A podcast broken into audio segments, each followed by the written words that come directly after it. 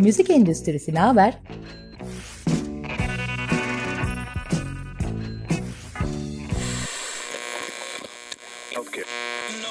Müzik endüstrisinin her alandaki dinamikleri.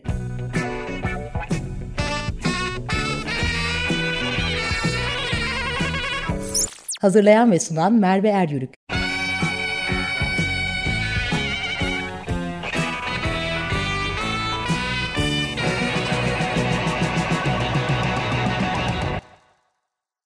Merhabalar. 15 günde bir yayınlanan Müzik Endüstrisi Haber programına hoş geldiniz. Bugünkü konuğum gazeteci. Aslında müzik özelinde bir gazeteci. Hatta onun kendini ifade edişiyle sunayım. Caz gazetecisi Eray Aytümür bizimle birlikte olacak. Eray bir yandan da endüstrideki bu alanda da aktivist denilebilecek düzeyde de katkı sağlamaya çalışan güçlü bir kadın. Portekiz'de yaşıyor şu an. Hoş geldin Eray. Hoş bulduk Merve. Teşekkür ederim davetin için. Şimdi müzik dünyası için çok kıymetli biri Eray. Çok zor bir iş yapıyor. Bir kere zaten Türkiye caz müzik denildiğinde bile böyle bir e, düşünülmesi gereken bir alan. Bunun için böyle saatlerce konuşabiliriz belki ama şununla başlamak isterim. Portekiz'desin. Ne kadar zamandır Portekiz'desin? Portekiz'de üç, üç buçukuncu yılımı tamamlıyorum resmi olarak ama hani öncesinde geliş gidiş vesaire vesaire derken hani dört yıl diyebiliriz. Benim için milat şeydir, kedimin buraya geldiği tarihtir. O da Haziran 2019'da tekabül ettiği için ee, yani dört aslında geçmiş diyebilirim ama hani resmi olarak üç buçuk yıl. Öncesinde izninle şey söylemek istiyorum. Ee, gerçekten çok mutluyum senin konuğun olmaktan. Ayrıca da e, Açık Radyo dinleyicilerine hitap etme şansı bulmaktan. Çünkü Açık Radyo benim ilk iş yerim.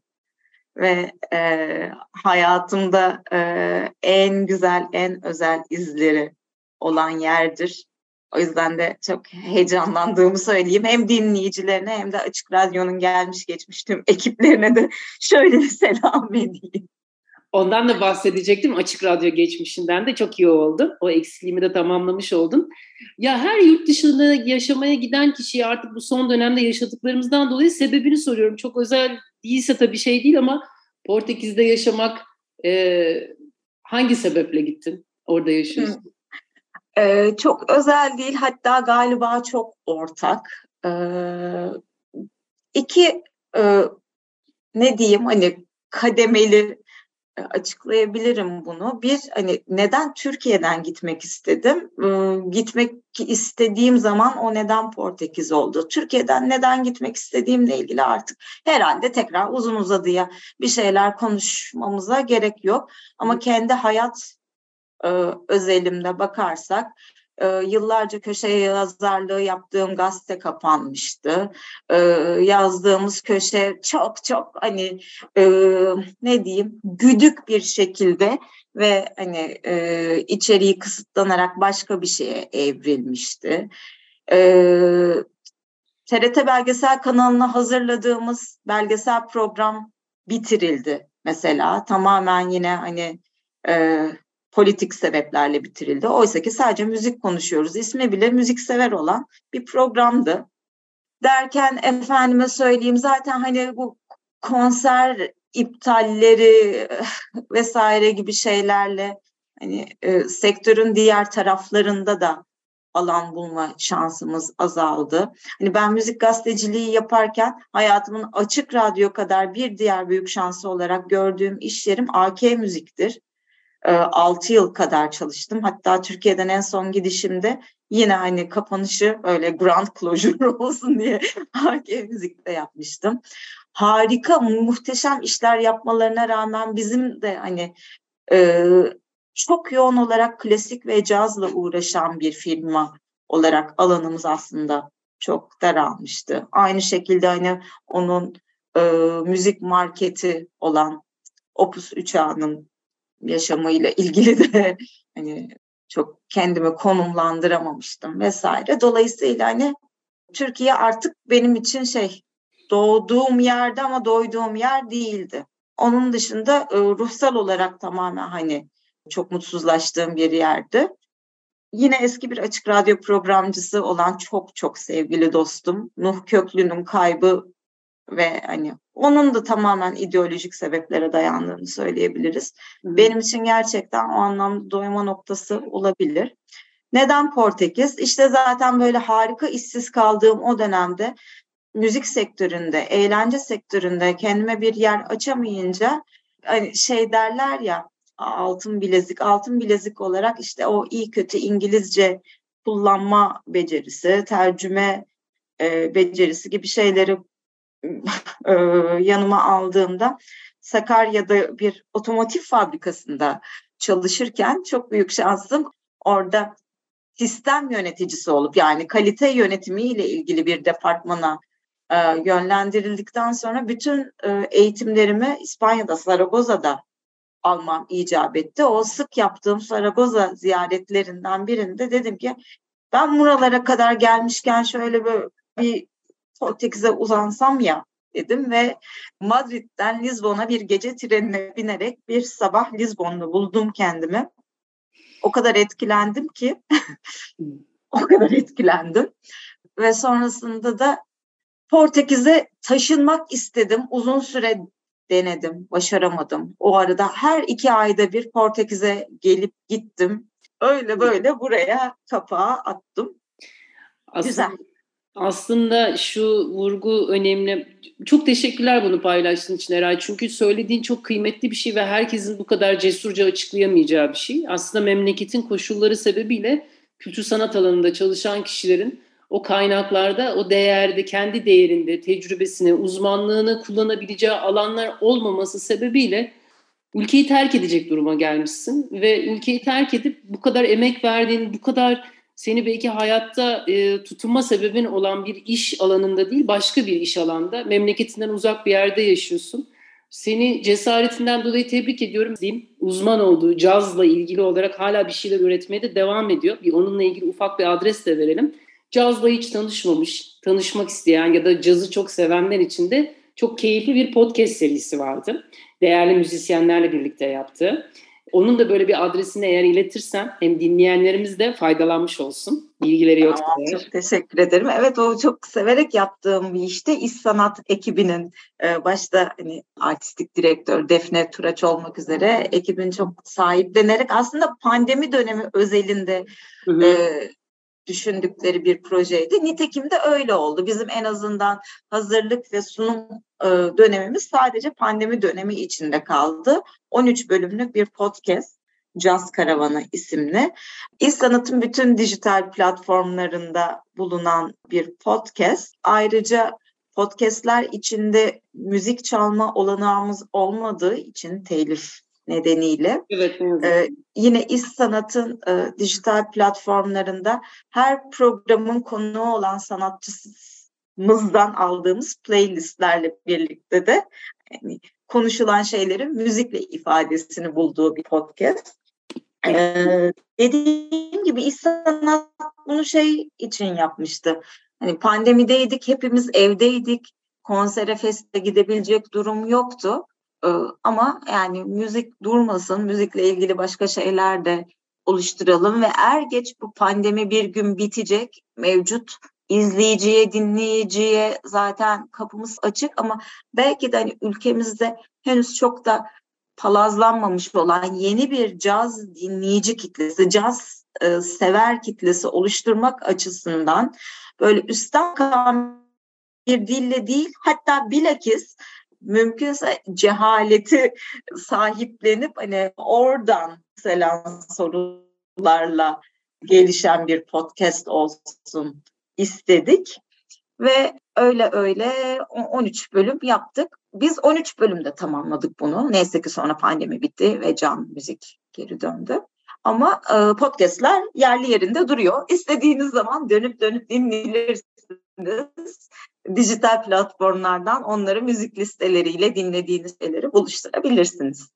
Çok önemli çünkü caz müzik denildiğince biraz böyle üstten gibi oluyor. Ee, ne diyeyim ya işte ne bileyim ben bile keşfederken ben bile derken ben kimim de yani şu anlamda müzik endüstrisinde çalışıyorum. Ben caz müzikte çok aşırı neşir biri değilim. Dinlediğim bir iki kişi var sadece. Çok bir bilgim yok. Dolayısıyla böyle bazen çok ihtiyaç duyuyorum ben o caz 101'e Ya birileri bana keşke isimlerini söylese, o isimler neyi anlattığını falan. Ben hep öyle içerikler bakıyorum. O yüzden çok kıymetli bir içerik. Onu da paylaşmış olalım dinleyicilerimiz için. Çok teşekkür ederim. Yani şöyle söyleyeyim, e, bence hani hepimizin her bilgisi makbuldür, her düzeydedir, doğrudur ama bilgi hani sonsuz bir şey sonuçta. Evet. Üstüne ne kadar eklersek o kadar iyi. O yüzden biz de hani öyle düşündüğümüz için hani caz nedir, nerede doğdu, nasıl gelişti diye başlayıp tek tek enstrümanları tanımaya giriştiğimiz, hı hı. o enstrüman nedir, bu enstrüman nedir? Ondan sonra e, ne bileyim işte trio nedir, kuartet nedir, big band nedir diye konuştuğumuz derken işte e, peki vokal caz nedir, e, enstrüman cazından ayırt eden şey nedir, ona nasıl muamele edelim gibi gibi böyle ya da çocuklara e, caz sevgisi, mini mini çocuklara evet. e, caz sevgisi nasıl verilebilir? Günümüzde meseleyi nereden yakalayalım?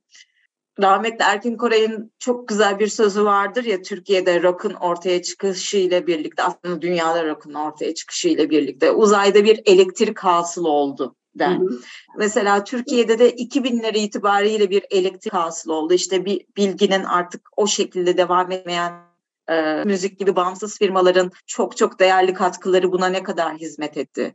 Onun dışında başta o, o konuda gerçekten böyle çok o, proaktif davrandığı için hani herkesin bence müstesna emeği var ama ismini geçirmekten imtina etmeyeceğim sevgili müzisyen dostum mesela Edis Hafızoğlu sırada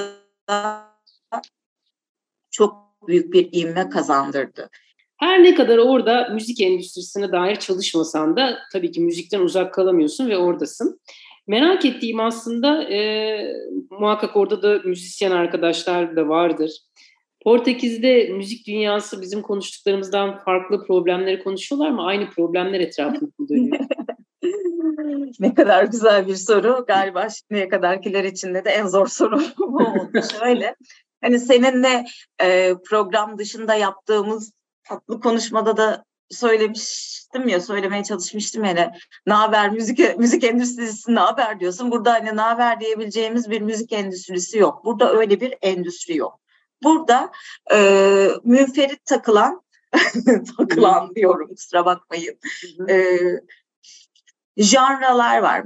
Ben ben bunun caz parçası içindeyim. Daha işte buraya ilk turist olarak geldiğim gün itibariyle keşfetmeye çalıştığım e, caz dünyası. Şöyle ki hani aslında Avrupa'nın en eski caz kulübü. Düzenli içeriğe sahip ve aralıksız yaşayabilmiş yani şey arada sekteye uğrayıp kapattığı dönemler olmadan aralıksız yaşayabilmiş en az, e, en eski caz kulübü Portekiz'de. Lisbon'da. Hot Club'da Portugal. Aa, bilmiyorum. Ee, ben benim mesela böyle başlamıştı. O Lisbon'a geldiğim ilk gün akşamda konsere gitmiştim. Andre Matuş konserine gideriz. Ee, ah burası ne kadar harika bir yer falan filan. E tamam orası harika bir yer ama aslında hani Türkiye'de de sayısız denemeden sonra canımız biriciğimiz nardisimizle birlikte o uzun soluğu yakaladığımız bir alanımız var. Fakat işte Portekiz'de bunu Türkiye'ye kıyasla avantajlı kılan şey ne? Öyle bir politik iklimi Türkiye'de şu an hani e, canımızı sıkan politik iklim burada yok. Burada müzik sevilen bir şey, kültür sanat sevilen bir şey. Ama burada e, ne gibi handikaplarımız var? Seviyorlar, sayıyorlar. Zaten hani müzik en başından beri sonuçta fado diye bir müziğin şeyi burası ne derler? E, ana vatanı. Ve fakat zaten gayri safi milli hasılası çok yüksek olmayan, Avrupa'nın aslında tam olarak Avrupalı olmayan bu köşesinde müziğe ayrılan pay çok çok çok düşük. Yani böyle yüzde 0.0'larla ifade edilebilen bir şey. Hani o anlamda kantitatif bir veri veremem ama o şekilde. Dolayısıyla endüstri yok. Cazcılar kendi alemlerinde bir şekilde takılıyor. Çok sayıda bağımsız e, yapımcı firma var. E, bu bir yandan iyi bir şey. Çok sesliliği beraberinde getiriyor her müzisyenin, her yaş grubundan her ekolde müzisyenin kendisine bir ifade alanı açmasını sağlıyor. Bir yandan da kültürel bir şey mi bu bilmiyorum ama kendilerini yine de hani doğru pazarlamayı beceremedikleri için bir araya gelip şöyle dört başı mamur öyle bir şey de yapamıyorlar yani. Onu söyleyebilirim. Burada mesela şu an hani ben biraz daha hani cazla ilgilendiğim için caz özelinde konuşmaya devam ediyorum. Burada bir caz festivali caz festivali gibi oluyor. Yani bir mesela çok yakın bir geçmişte geride bıraktığımız e, Seychelles Jazz Festivali'nde ne bileyim hani festivalin açılışını Christian McBride yaptı. Ondan sonra ortasında bir yerde işte Enrico Rava çaldı. Ondan sonra kapanışını Immanuel Wilkins yaptı. Yani e, herkesin emeği kıymetlidir, değerlidir. E, biz sadece hani bir birazını daha çok birazını daha az severiz filan ama hani jazz festivali yapıyoruz deyip kibariyeyi çıkartmıyorlar yani. Arrogant değil ama hakkaniyetli bir şey program yapma mantığı var ve bu işin ekonomisini de ne yapıyorlar ediyorlar oluşturuyorlar yani. Ay headliner sistemi var deyip ondan sonra jazz festivaline her sene Nick Cave'i e, headliner yapmak kusura bakmayın ama biz kendi halinde de olsa caz severlerin biraz da kalbini kıran bir şey yani. Organik caz oluyor o zaman oralarda. Başka türlü başka şeylerin girmediği. Yani yani, hakikaten böyle hani bunu faşizan bir yerden söylemek istemiyorum. Çünkü caz bir de hani doğası itibariyle zaten olasılıklara çok yer veren, e, çok interaktif filan da bir müzik. O yüzden hani ne olursa ol yine gel diyebiliriz ama yani artık biz Nick Cave'e verdiğimiz parayla muhtemelen kimi ne bileyim işte Immanuel Wilkins'i biz de getirebiliyoruz. Mary Halverson'ı biz de getirebiliyoruzdur herhalde yani Türkiye'deki organizasyonlar olarak. Hatta yani Nick Cave'e verdiğimiz parayla belki hani bir paket falan satın alabiliyoruz yani. Bu hani hem ekonomisiyle doğru bence yönetiliyor burada. Hı hı. Hem de bu işin karar merceğini oluşturan insanlar bence e, dünyadaki caz müziğini daha samimi bir şekilde takip ediyor. Bilgiyi daha dürüst bir şekilde alıyor ve aynı şekilde de paylaşıyor. Bu. Ya bunu soracaktım aslında. Oradaki işte caz konserleri ve festivallerle buradaki yapıyı bir karşılaştırsana diye sormadan söyledi. Çok iyi oldu. Dolayısıyla ben bayağı güzel bir cevabımı almış oldum. Daha samimi ve organik organizasyonlar oldu. Biraz daha popülist değil de içerik olarak da daha fazla böyle caz kokan, onu sevenine ulaşan bir içerikle buluştuğunu. En azından bu anlamda senin adına çok sevindim oralarda. Hem bu Teşekkür ederim. özgürlük de çok özgürüz cümlesini böyle e, gerçekten ben de böyle şey baktım. Ne diyeyim? Hadi inşallah bize de diğer bizim yani sadece bizim memlekete özel değil aslında dünya müzik endüstrisine baktığımda da hareketlenmelerden biri de aslında kadınlar. Kadın evet. hareketleri çok var. Kadınların arka planda kalması. Görsel olarak kadınların sunması ama sahne arkasındaki emekte kadınların gözükmemesi. Mesela caz müziğinde de şimdi böyle çok üstün körü bir cümle kuruyor olacağım. İşte şarkıcılar, e, önde duran solistler kadın ama arkada çalan müzisyenler e, daha erkekmiş gibi algılanıyor ya da öyle gözüküyor. Yani zaten memleketten bunu yaşıyoruz yani. Kadın her yerde çok görünmez, daha böyle kırılgan bir noktadan anlatılıyor. Dolayısıyla oradaki dünyada nasıl? Oradaki e, müzik endüstrisindeki kadınların durumu nasıl? Yani e, üstün körü bir cümle dediğin aslında endüstrinin global olarak durumunu e, çok güzel ifade etti. E, her ne kadar cazda biraz daha hassas dengeler gözetiliyor olsa da çok bayılmasak da pozitif ayrımcılık ifadesine ve pratiğine e, pozitif ayrımcılık iyi kötü yapılmaya başladıysa da özellikle hani e, kuzey ülkeleri başta Norveç olmak üzere kuzey ülkelerinden hareketli dünyaya e, caz endüstrisi iç, yani endüstri diyebilir miyiz bilmiyorum ama caz içinde yayılsa da aslında e, burada da aynı şekilde sorun devam ediyor. Hatta ben e, geçen sene Oxford University Press'ten basılmak üzere 2024'ün herhalde ilkbaharını falan bulacak. Ee, Jazz and Gender European Perspectives adlı bir kitap projesine e, Avrupa'daki caz gazetecilerinin ve promoterler, kadın caz gazetecilerinin ve promoterların durumunu ele alan bir içerik hazırlamak üzere davet edin, gitmiştim. Avrupa'nın farklı köşelerine ayrılmış bölümlerden oluşuyordu. Benim bu çalışmayı da İskandinavya ve e, Balkan ülkeleri üstünden yapmam ve e, Portekiz ve Türkiye deneyimimle buluşturmam isteniyordu. Dönüp dolaşıp geldiğimiz noktada hani İskandinavya'dan katılan e, müzik gazetecisi meslektaşlarım ve hani festival yöneticisi sevgili arkadaşlarım, kadın arkadaşlarım tabii ki çok daha böyle umut verici tablolar sunarken mesela Balkanlardaki meslektaşlarımızın, yol arkadaşlarımızın çok benzer şeylerden muzdarip olduğunu gördük ve hepimizin ortaklaştığı noktada ise e, İskandinavlar dahil olmak üzere mesela medyanın kullandığı dille ilgili henüz almamız gereken çok yol var. Yani Merve'yi iyi bir müzisyen olduğu için e, sunabildiğimiz sürece sunmak varken Merve'yi aynı zamanda güzel bir kadın olarak o metin içinde bahsetmek ve Merve'nin mümkünse en nesneleştirilebilecek görsellerini kullanmak gibi bir yönelim ne yazık ki hala var. Onun dışında bir müzisyenin en önemli pratik alanının sahne olduğunu düşünürken genel olarak mücadele etmemiz gereken şeyin bir zihniyet olduğu noktasında hemfikiriz. Şöyle ki yani Evet, caz şarkıcıları kadındır. Kadınlar caz şarkıcısıdır. Aa ne kadar enteresan davulcu kadın, basçı kadın filan oldu. O zaman hemen çıplak fotoğraf versin kontrbasının başında filan.